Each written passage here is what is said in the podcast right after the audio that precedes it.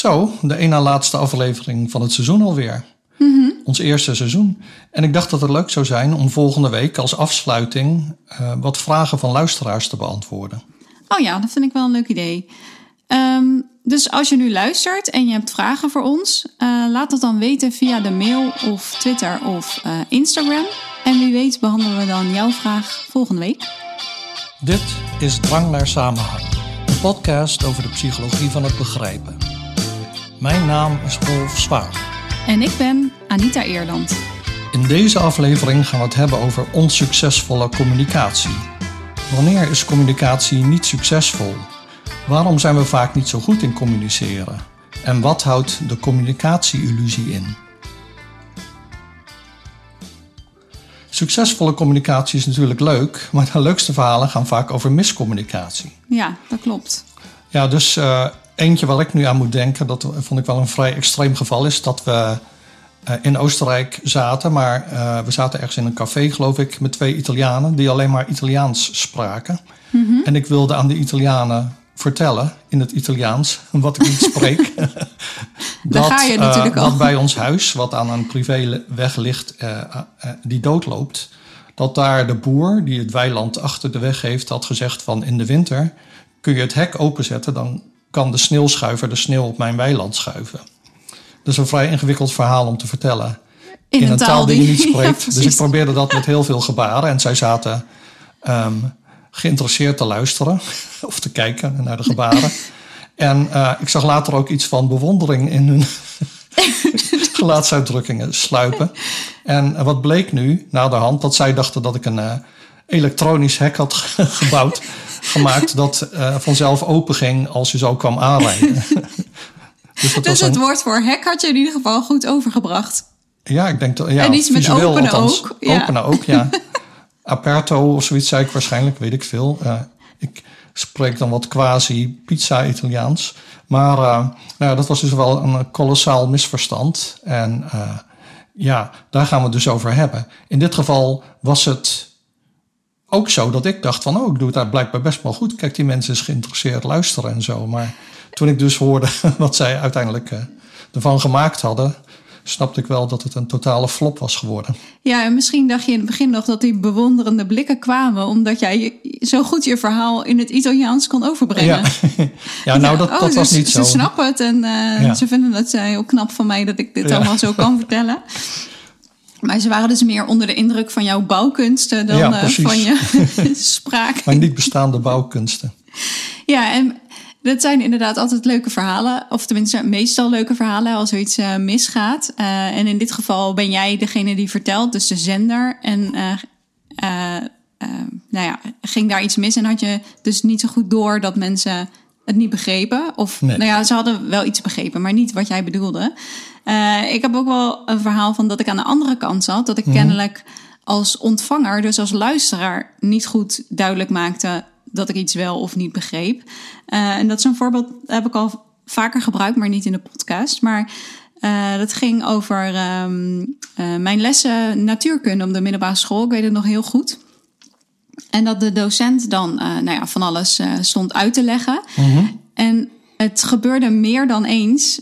Um, en of ja, ik weet niet precies hoe vaak, maar in ieder geval in mijn herinnering gebeurde dat best wel vaak. Dat die docent dan expliciet aan mij vroeg voor de mm -hmm. hele klas of ik het ook begreep. Dat is natuurlijk super vervelend, want je wil als puber helemaal niet uh, um, de, de aandacht krijgen op zo'n manier.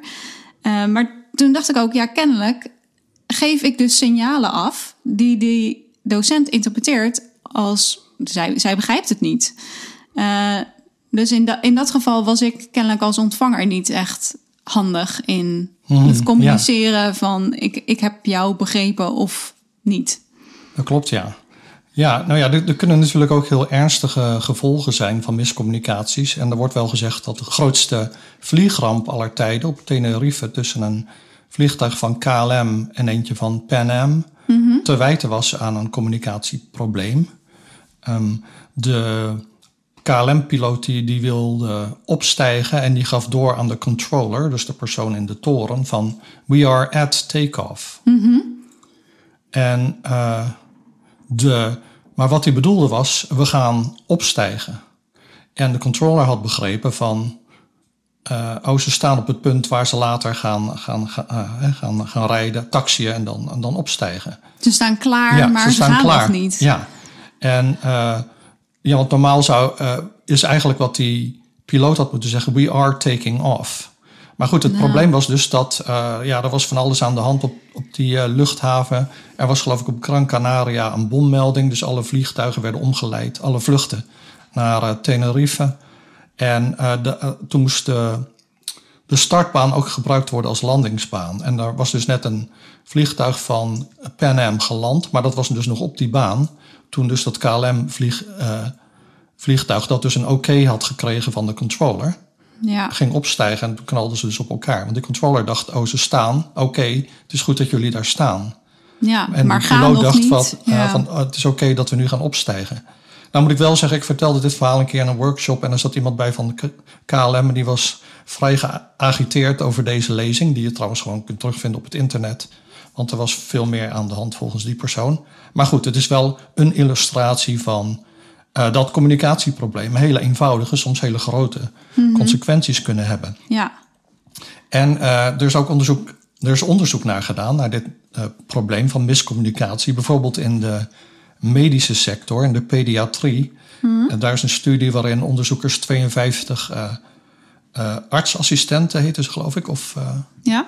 Ja, co-ads in het Engels, geloof ik. Co-assistenten? Ja, co-assistenten, ja. Interns in het Engels. Ja, die uh, nou ja, situaties waarin dus de ene assistent een patiënt moet overdragen aan de andere. En dan moet er dus uh, verteld worden wat het ziektebeeld is enzovoort. En wat daaruit bleek, was het in ieder geval het belangrijkste punt was eigenlijk dat die informatie die, die belangrijk was met betrekking tot de patiënt, die werd niet succesvol overgebracht in 60% van de gevallen. Terwijl dus de, de beide groepen Artsen? Artsen, artsassistenten. Ja. Dus de, degene die eerst de patiënt hadden en degene die hem later kregen, die dachten dat de communicatie wel succesvol was verlopen. En wat er vaak gebeurt is dat sprekers overschatten hoe effectief ze communiceren. Mm -hmm. En uh, nou ja, daar gaan we het dus over hebben, want hoe ontstaat zoiets? Um, en er zijn twee verklaringen voor die wel worden gegeven. De ene is egoïsme. Hè, dus dat jij denkt dat anderen weten wat jij ook weet en uh, dat anderen precies zo zijn als jij. En iets wat daar wel een beetje dichtbij in de buurt ligt, maar toch iets anders is, dat heet The Curse of Knowledge. De vloek der kennis. Wat een... Volgens mij hebben we het daar wel eens eerder, of hebben we dat eerder ja. wel eens genoemd. Ja, dat, ja geloof ik komt, wel. Uh, Mooie speelt... titel voor een boek, De vloek der kennis. Ja. Um, maar goed, dus The Curse of Knowledge. En uh, een van de eerste onderzoeker, onderzoeken die daar naar gekeken heeft, die, uh, die liet mensen muziek tappen. Uh, dus ik ga dat nu proberen. En dan moet dus de andere persoon raden welk nummer het is. En dan ben ik zeker de andere persoon. Ja, want meer mensen hebben we niet in deze kamer. Ik moet even kijken of, Oh, of wat ik tap wel doorkomt qua geluid. Komt dat door? Nou, een beetje zacht. Oh, dat komt wel door. Oké. Okay. Um, Anders nou, moet dat, je klappen misschien. klappen, ja, dat is een beetje moeilijk, denk ik. Oké. Oké, okay, nou,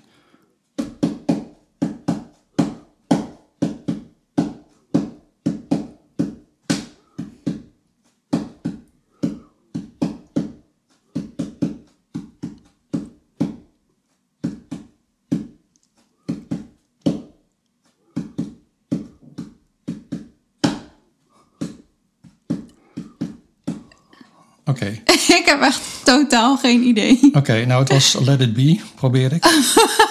en uh, uh, nou ja, waar die studie dus over ging is... Uh, hè, dit is een vorm van communicatie, hoe effectief is die nu? En degene die dus de muziek tapte, die dachten de hele tijd dat die ander dat wel zou raden. Mm -hmm. Want zij horen die muziek in hun hoofd. Ja, precies. Um, en hebben dus die kennis, maar de luisteraar heeft die niet. En ja, die hoort een beetje wel een, een, vaag patroon. Ik denk dat je sommige nummers misschien heel makkelijk zou kunnen raden, omdat ze een heel opvallend ritme hebben. Nou ja, en je.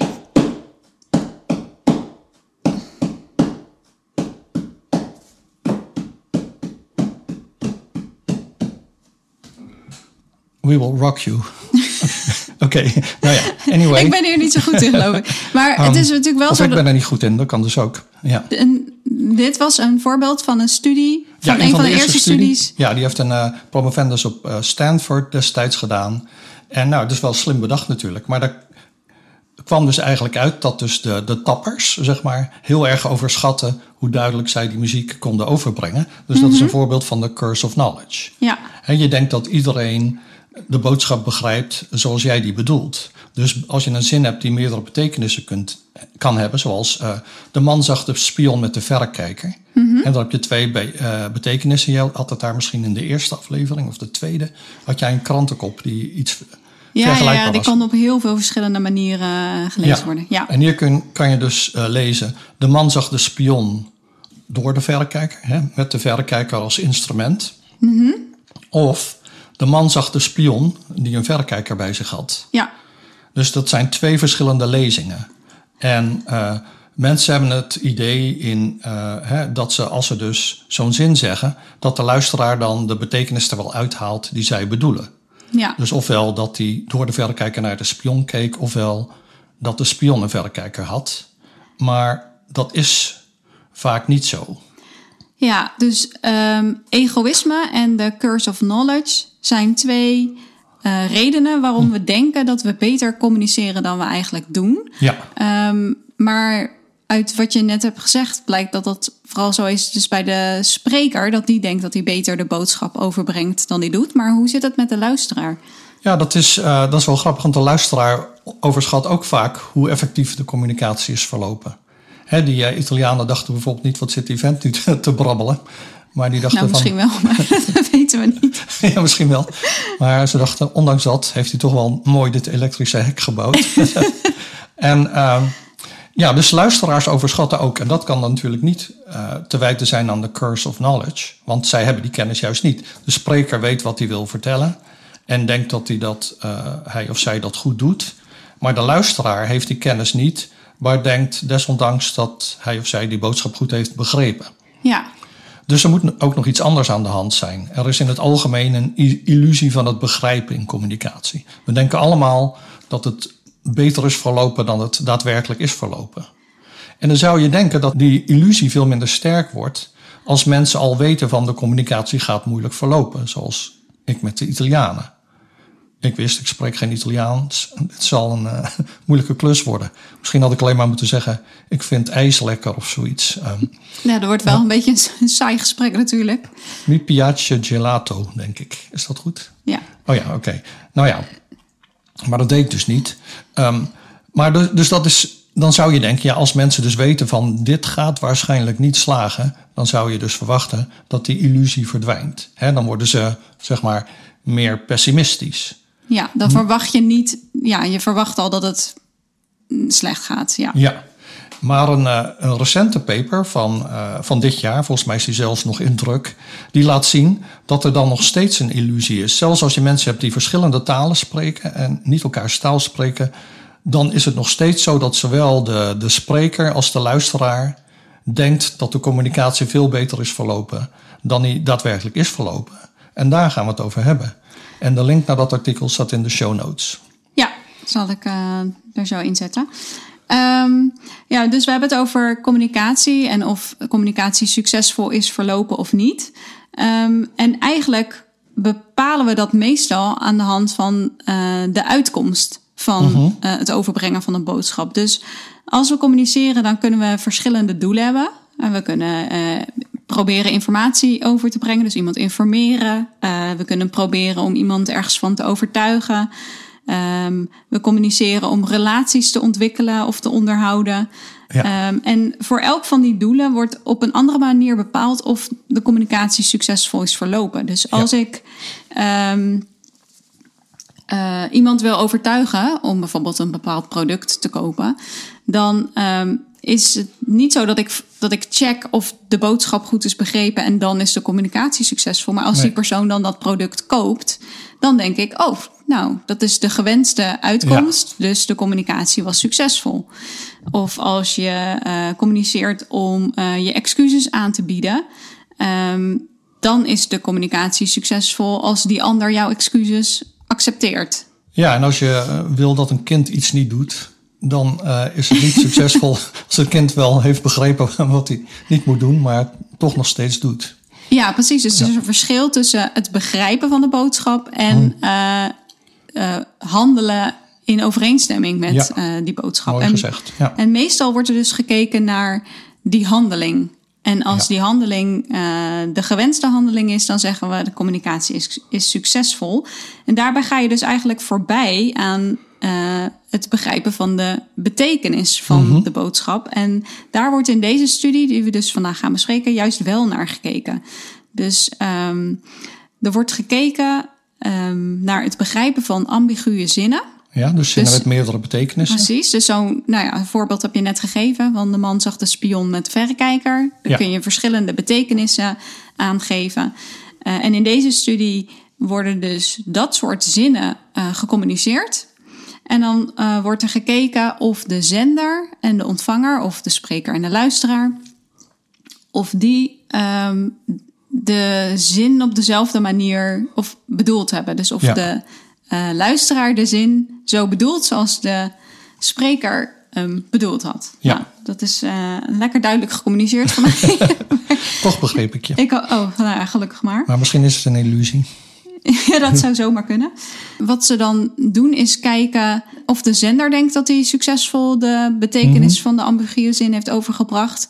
En er wordt gekeken eh, in hoeverre de eh, ontvanger of de luisteraar denkt dat hij de zin goed heeft begrepen. En als je Ja. dan die twee ehm, ja, scores eigenlijk met elkaar vergelijkt, dan kun je dus zien of eh, nou ja, hoeveel vertrouwen mensen daarin hebben, maar ook of, of er dus een overschatting is Ja. van effectieve eh, communicatie. En eh, het onderzoek wat we dan eh, straks in meer detail gaan bespreken, bestaat eigenlijk uit twee fasen.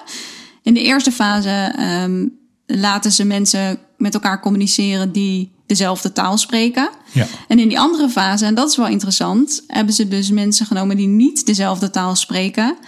Ehm, en dan heb je een situatie waarin je verwacht dat de communicatie niet succesvol gaat zijn, wat je Ja. eh, al eerder zei. En nou ja, dan is het dus interessant om te zien of dat effect dan, die overschatting, Die illusie nog steeds in stand eh, eh, blijft. ja,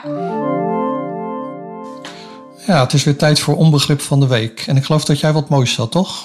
Ja, nou niet van deze week, maar toen we het gingen hebben over eh, miscommunicatie eh, en anekdotes daarover, eh, of daarover gingen nadenken. ehm, toen kwam er, schoot me er eentje te binnen en dat is echt, denk ik, de grootste miscommunicatie zo'n beetje uit mijn leven. Of in ieder geval was dat een vrij vervelend moment, vond ik.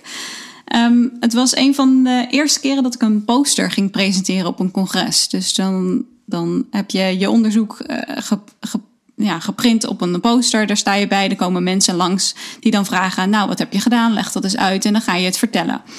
En ik stond daar, dat is natuurlijk altijd best wel spannend. Ehm, En toen kwam er een, eh, eh, volgens mij een Japanse AYO, dus ook een promovenda, langs. En mijn poster ging over het effect van het gebruik van de directe en de indirecte reden. Dus een, dat is in het Engels, dus direct en indirect speech. Nou, wat dat precies is, dat doet er nu even niet toe. Maar ehm, ik ging dus eh, dat eh, vertellen wat we, wat we hadden gedaan en hoe het onderzoek in elkaar zat. Nou, dan ben je ja, goed vijf minuten, misschien tien minuten bezig zo. Aan het eind vraag je altijd eh, nou ja, of iemand nog vragen heeft over. Dus dat deed ik ook. En toen toen vroeg die Ajo... Ja, excuse me. What is direct and indirect speech? En ik kon echt wel door de grond zakken. Want ik dacht, ja, daar gaat mijn hele onderzoek Ja, over. daar heb je het net eh, al die tijd over gehad. En- Precies. En als je niet weet wat, zeg maar, het onderwerp van de poster, wat, Ja. wat dat inhoudt. ehm, wat denk je dan dat ik eh, net de hele tijd heb staan vertellen? ja, Dus toen dacht ik wel, oh ja, het was beter geweest misschien als eh, deze vraag aan het begin had gesteld. Maar ik denk dat Zoiets. ze Dat dat te beleefd dan was niet, om dat ja. te- doen. En dan denk ik, Ja. nou, ik laat haar wel gewoon vertellen. En misschien kan ik uit de context nog afleiden waar het over gaat. Ja. Maar kennelijk was het een super eh, onduidelijk verhaal over de directe en de indirecte reden. ja, dat is wel inderdaad een, een mooie. Jij dacht, ik ben lekker bezig. eh, en, Ja, eh, ik, en ik, was, ik had mijn verhaal lekker afgerond. Dus ik dacht, nou, zijn er dan nog vragen? En toen kwam deze vraag uit. Toen dacht ik echt, oh help. Want, ja, je kan het dan wel gaan uitleggen. Maar goed, als je dan de definitie van die woorden hebt gegeven... of als je denkt, nou ja, nu begrijpt ze wat, wat het is... da- ja, dan he- heb je, nog dat hele onderzoek natuurlijk niet meegekregen. Nee, dat klopt. Dan kun je weer overnieuw beginnen. Dus, ja, eh, dus dat was eh, niet mijn beste moment bij een posterpresentatie. Oké, dus eh, nou ja, we hebben nu eh, gehad over de, dus die illusie van begrijpen in conversatie. En we hadden het over een specifieke studie eh, waarin, zoals jij ook zei, gekeken wordt naar mensen die met elkaar communiceren over een taalgrens heen. Ehm, wat ze hebben ze nu precies gedaan? Nou, ze hadden proefpersonen die man, Mandarijn-Chinees spraken, de betekenis van zinnen met meerdere betekenissen laten communiceren. En een voorbeeld van een zin die zij hadden gebruikt is. eh, ik doe het even in het Engels. Ja, niet in het Mandarijn-Chinees natuurlijk. Maar, Oh, jammer. ja, Dat had ik eigenlijk wel willen horen. dan had je vast geda- gedacht dat ik een, eh, een elektrisch hek ergens had gebouwd of zo. Maar de, de zin is: um, What have you been up to? Nou, die kan vier verschillende betekenissen hebben. Dus je kunt hem natuurlijk eh, een andere betekenis geven door hem iets anders te intoneren. Zo van: What have you been up to? Of What have you been up to? Eh, nou ja, dat soort dingen. Ehm, en de vier betekenissen die zij dan geïdentificeerd hadden. eh, en als mogelijk he- heden gaven aan de mensen die de zinnen moesten begrijpen. Dat waren A. Een, eh, eh, de suggestie dat die andere persoon ontrouw was geweest. Hè? What have you been up to? De tweede was dat je achterdochtig bent. Dat die andere persoon een verrassing voor jou aan het plannen is. Hè? What have you been up to? En de, de derde is dat je boos bent dat die andere persoon 30 minuten te laat is. Ja? En dan is de laatste dat je gewoon wil weten van eh, hoe, hoe gaat het nu eigenlijk met die persoon? Hè? What have you been up to lately? Zoiets. En, eh, oh, lately staat er niet bij. Maar goed. Dus de spreker die had tot taak om één van die vier betekenissen over te brengen. En die was weer willekeurig toegewezen. Dus hè, een computer bepaalde welke ze moesten eh, welke bete- betekenis ze moesten meegeven. En de luisteraar zag dan die vier opties die ik net noemde. En die moest dan aangeven welke betekenis de zender bedoelde. Ja, dus die hoorde Ja. de, de spreker en die Ja. moest dan op basis daarvan bepalen Ja, welke van de vier betekenissen ja. de spreker bedoelde. ja en hoorde is belangrijk hier, want ze zagen elkaar dus niet. Hè? Dus normaal tijdens conversatie heb je allerlei andere informatie. Gelaatsuitdrukkingen, gebaren, lichaamshouding. Maar dat had je hier dus niet. De proefpersonen zaten geloof ik met de rug naar elkaar toe. Ehm, dus ze hadden alleen de audio. En eh, nou, wat moesten de proefpersonen nu doen? Zowel de spreker, of de spreker, die moest aangeven of de luisteraar de betekenis had geraden. Ja of ze dat nee. dachten. Ja, of ze dat dachten. Ja, of nee. En dan hoe zeker ze hiervan waren, van 1 tot 7. En de luisteraar of de ontvanger, die moest ook aangeven hoe zeker hij of zij was dat, eh, dat ze de betekenis hadden begrepen. Dat ze de juiste betekenis hadden gekozen. Dat is ook weer ja of nee en dan van 1 tot 7. Nou, oké. Dat onderzoek had twee fasen, zoals jij volgens mij al eerder zei. En in die tweede fase werden Amerikaanse proefpersonen gebruikt. En die werden ingezet als luisteraar en gekoppeld aan een Chinese spreker. Dus eh, gekoppeld niet echt eh, persoon aan persoon, maar ze kregen gewoon audiofragmenten van die spreker te horen. En eh, die zinnen waren dus in het Chinees. Hè, want die eerste fase was helemaal in het Chinees. Maar de Amerikaanse proefpersonen kregen dus de vier opties in het Engels te zien en moesten dan raden welke betekenis de spreker had willen overbrengen. In dus een taal die ze zelf niet spraken. Ja, dat, dat lijkt me een kwestie van eh, gokken. Ja, dat zou je Toch? zeggen, Ja. gokken. Eh, nou, dan is de vraag, gokten mensen inderdaad? Eh, hoe vaak hadden ze het juist en hoeveel vertrouwen hadden ze daarin?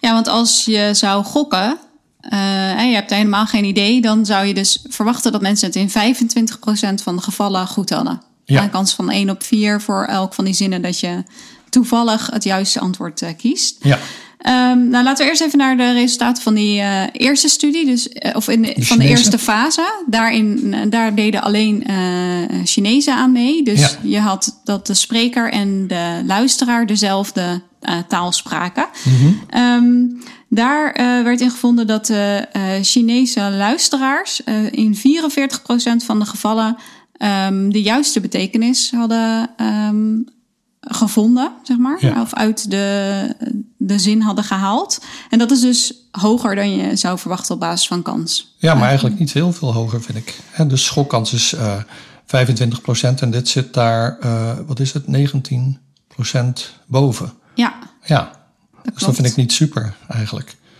Nee, maar het meest interessant is natuurlijk hoe vaak denken mensen dat de communicatie succesvol was. Want daar gaat het hele uh, onderzoek over. Um, en zowel de spreker als de luisteraar uh, overschatten het succes van de communicatie. Ja. Dus de luisteraars, um, die het dus in 44% van de gevallen echt goed hadden, die dachten dat ze het in 85% van de gevallen goed hadden.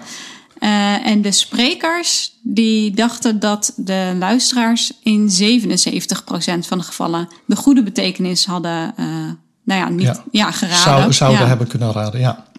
Ja, en um, da, ja, dat geeft dus heel mooi aan dat er gedacht wordt, zowel door de luisteraar als door de spreker, dat de communicatie veel succesvoller was dan die eigenlijk was. Ja, klopt. Um, nou is er ook gekeken, want ze vroegen natuurlijk niet alleen is de juiste betekenis geraden of niet. Uh, er is ook ge gekeken naar hoe zeker mensen zijn van de communicatie. Want het idee was dat als je um, uh, denkt dat, uh, nee, als je als je, denkt, ja, als je denkt dat de communicatie succesvol was, Ja. dat je dan ook zekerder was van Ja. het overbrengen van de juiste boodschap. Um, maar er bleek eigenlijk geen samenhang te zijn tussen het goed raden van de betekenis, uh, of denken dat, het, dat de betekenis goed geraden was, en de zekerheid die je had Ja, over de Ja. uh, succesvolle communicatie.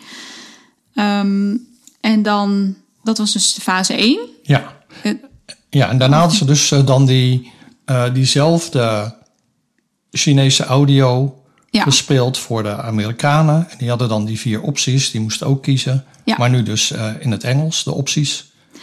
Ja, en dan, da, ik vond dat dus wel interessant. Want je Ja. hebt dan Amerikanen die zitten te luisteren naar Chinese zinnen. En Ja. dan moeten aangeven, ja, wat wordt hier gezegd of zo? Of welke betekenis wordt bedoeld? Die mensen hebben natuurlijk geen idee. Um, toch uh, werd er in uh, 35% van de gevallen werd het juiste antwoord gekozen. Dus dat is nog steeds hoger dan uh, gokkans. Ja. Wel minder goed dan in de eerste fase met maar de toch Chinezen. verbazend Maar, misschien. Ja, Ja. vind ik wel. Ik denk uh, dat ik precies op gokkans uit zou komen. Ja, Ja. Ik, ik vraag me af, ze zeggen daar niet zoveel over in het artikel. Hè, maar dan, het is eigenlijk interessant om uit te zoeken... van wat soort informatie maken die mensen dan wel gebruik. In dit geval de Amerikanen. En ik kan me voorstellen dat je dus die, die, die zin die we dan uh, hadden... What have you been up to? Kan je natuurlijk op een beetje achterdochtige manier uitspreken. En misschien is dat, uh, laten we zeggen, cultureel invariant. Dat het dus in verschillende culturen op dezelfde manier gedaan wordt. En hetzelfde met uh, zoiets als, uh, hoe gaat het nu met je? Daar, dat, dan is het meer joviaal eigenlijk. Dus dat dat soort dingen nog steeds doorklinken. Ook in een taal die jij niet spreekt. En dat je op basis daarvan toch nog enigszins de betekenis kunt achterhalen. Ook al is het natuurlijk hier maar 10% hoger dan gokkans. Dus het is niet echt uh, super hoog. Ja, ze zeggen daar niet heel veel over, maar wel uh, een klein beetje. Dat je Ja. dus inderdaad uh, wel andere informatie gaat gebruiken. Je moet wel, want Ja. je hebt anders verder niks. Als je de taal niet spreekt, je kan de ander niet zien. Dus Nee. al die andere cues die jij eerder noemde, die kun je niet gebruiken. Dus ze zeggen daar wel iets over, maar ik denk dat zij heel waardevolle data hebben nu Ja, voor andere mensen om ook te onderzoeken. ja dat denk ik ook. ik, vraag me ook af, je hebt uh, nu allemaal mensen die een, eenzelfde zin op verschillende manieren hebben uitgesproken om een andere betekenis over te brengen. Mhm. Die kun je natuurlijk ook analyseren. Ja, Dus hoe worden die zinnen dan uitgesproken? ja, Als uh, betekenis A wordt bedoeld bijvoorbeeld, zie je dan Ja. verschillen met hoe ze dat doen als betekenis B, C of D. ja is, en is het bijvoorbeeld zo, uh, ik geloof dat in de, in deze studie is het dus zo dat die, um, de spreker ziet alleen maar die ene, bet- dus die, uh, die zien, what have you been up to? Dat moeten ze zeggen. En ze zien wat ze ermee moeten uitdrukken, maar ze zien niet wat de alternatieven zijn. En de, eh, de luisteraar ziet dat dan wel natuurlijk. Uh, maar ik vraag me dus af, als je dat wel ziet, dan kan je nog beter, denk ik, Ja, dan weet je hoe je het verschil, ja, verschil, verschil moet articuleren. maken. Ja, ja. Maar goed, uh, dat is even een, uh, een zij-issue. ja, want ik was nog aan het vertellen over de resultaten van Ja, eh, de tweede studie. Dus um, in 35% van de gevallen hadden de Amerikaanse proefpersonen uh, het ju de juiste betekenis uit die Chinese zin gehaald. Ehm, maar ja, hoe, hoe succesvol dachten ze nu dat de communicatie was? Want je Ja. weet, ik ga nu luisteren naar iets in een taal die ik niet spreek. En eh, de Chinezen wisten ook van, eh, er gaat nu iemand naar luisteren die mijn taal niet spreekt. Dus je zou Ja. verwachten, dan schatten ze de, het succes van de communicatie lager in. Ja. Ehm, de luisteraars die dachten dat ehm, de communicatie in 65% van de gevallen toch Ja. succesvol was, ook al spraken ze elkaars taal niet. Eh, en de eh, sprekers, de Chinese sprekers, die dachten dat eh, de luisteraars in 50% van de gevallen de juiste betekenis uit hun zin in het Chinees konden halen. Dus ook hier ja. zie je weer dat eh, het succes van de communicatie eh, overschat wordt. En Ja. dat luisteraars dus denken dat het meer vaker succesvol was dan eh, de sprekers. Ook hier was ook weer geen duidelijke samenhang tussen de zekerheid en het juist inschatten van het succes van de communicatie. Dit Amerikaans-Chinese communiceren doet me nu ineens denken aan een aflevering van de show The Amazing Race. Een Amerikaanse spelshow die we jaren geleden Oh ja. bekeken. Ja. En daarin eh, moeten dus mensen eh, allerlei opdrachten uitvoeren in verschillende landen. En eh, nu was een Amerikaans stel in Peking, geloof ik, en ze reden in een taxi. En ze wilden aan de taxichauffeur duidelijk maken waar ze heen moesten of weet ik veel. Eh, maar ze hadden wel wat Chinese woorden opgezocht. Maar die spraken ze natuurlijk helemaal verkeerd uit. En, en die chauffeur begreep ze maar niet. Ze gingen steeds harder praten, harder en harder. En het lukte maar niet. En toen zei die ene tegen die andere... Jezus, deze man is zo dom, die eh, spreekt niet eens zijn eigen taal. Ja, ik weet. Oh, dat is echt beschouwend. ja, ja. Want ze moesten naar een of ander plein. En de naam van dat plein stond op het kaartje. Maar ze hadden natuurlijk geen idee hoe je dat juist uitspreekt.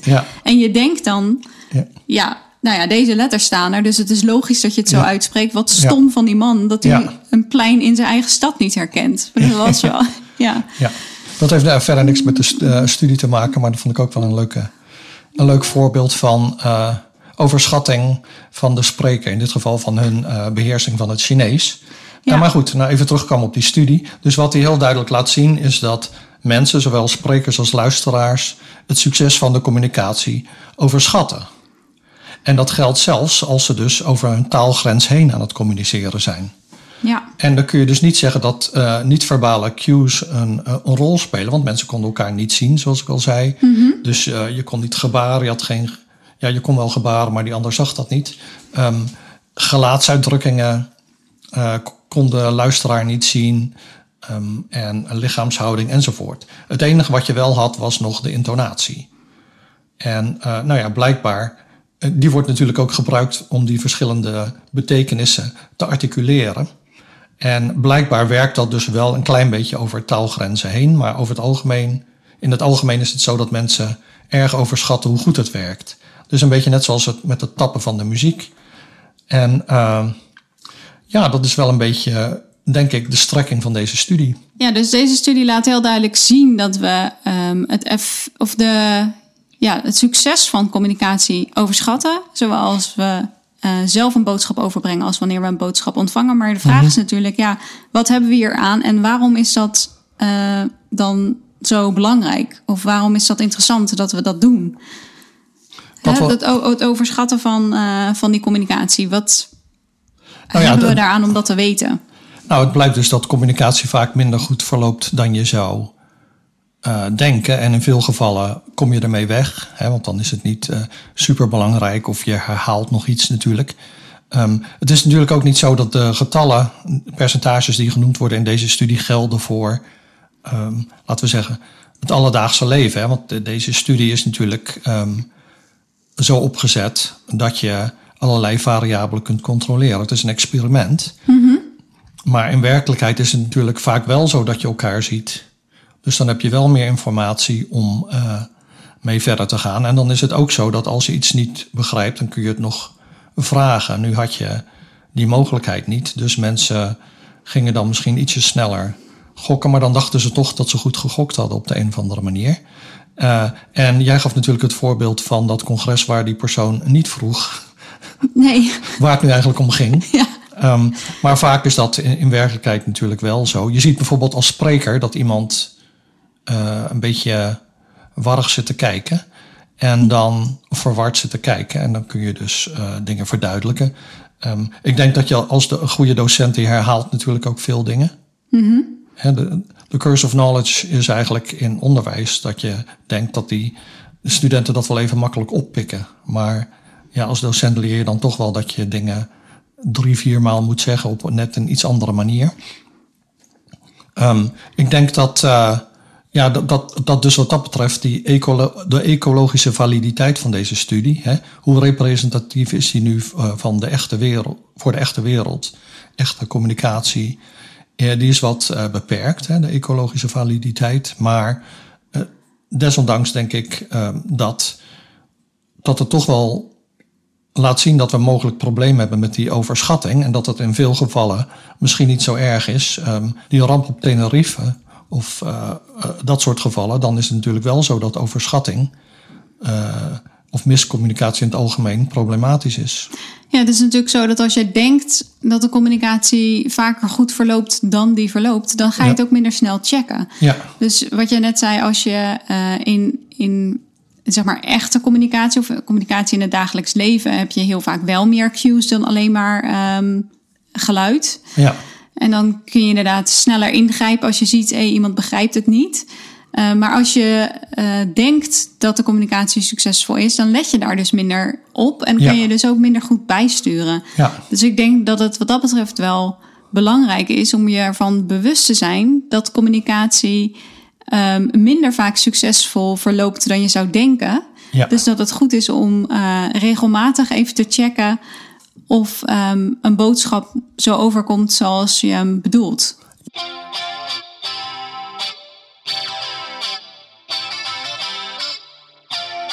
Vond je dit een leuke aflevering? Abonneer je dan.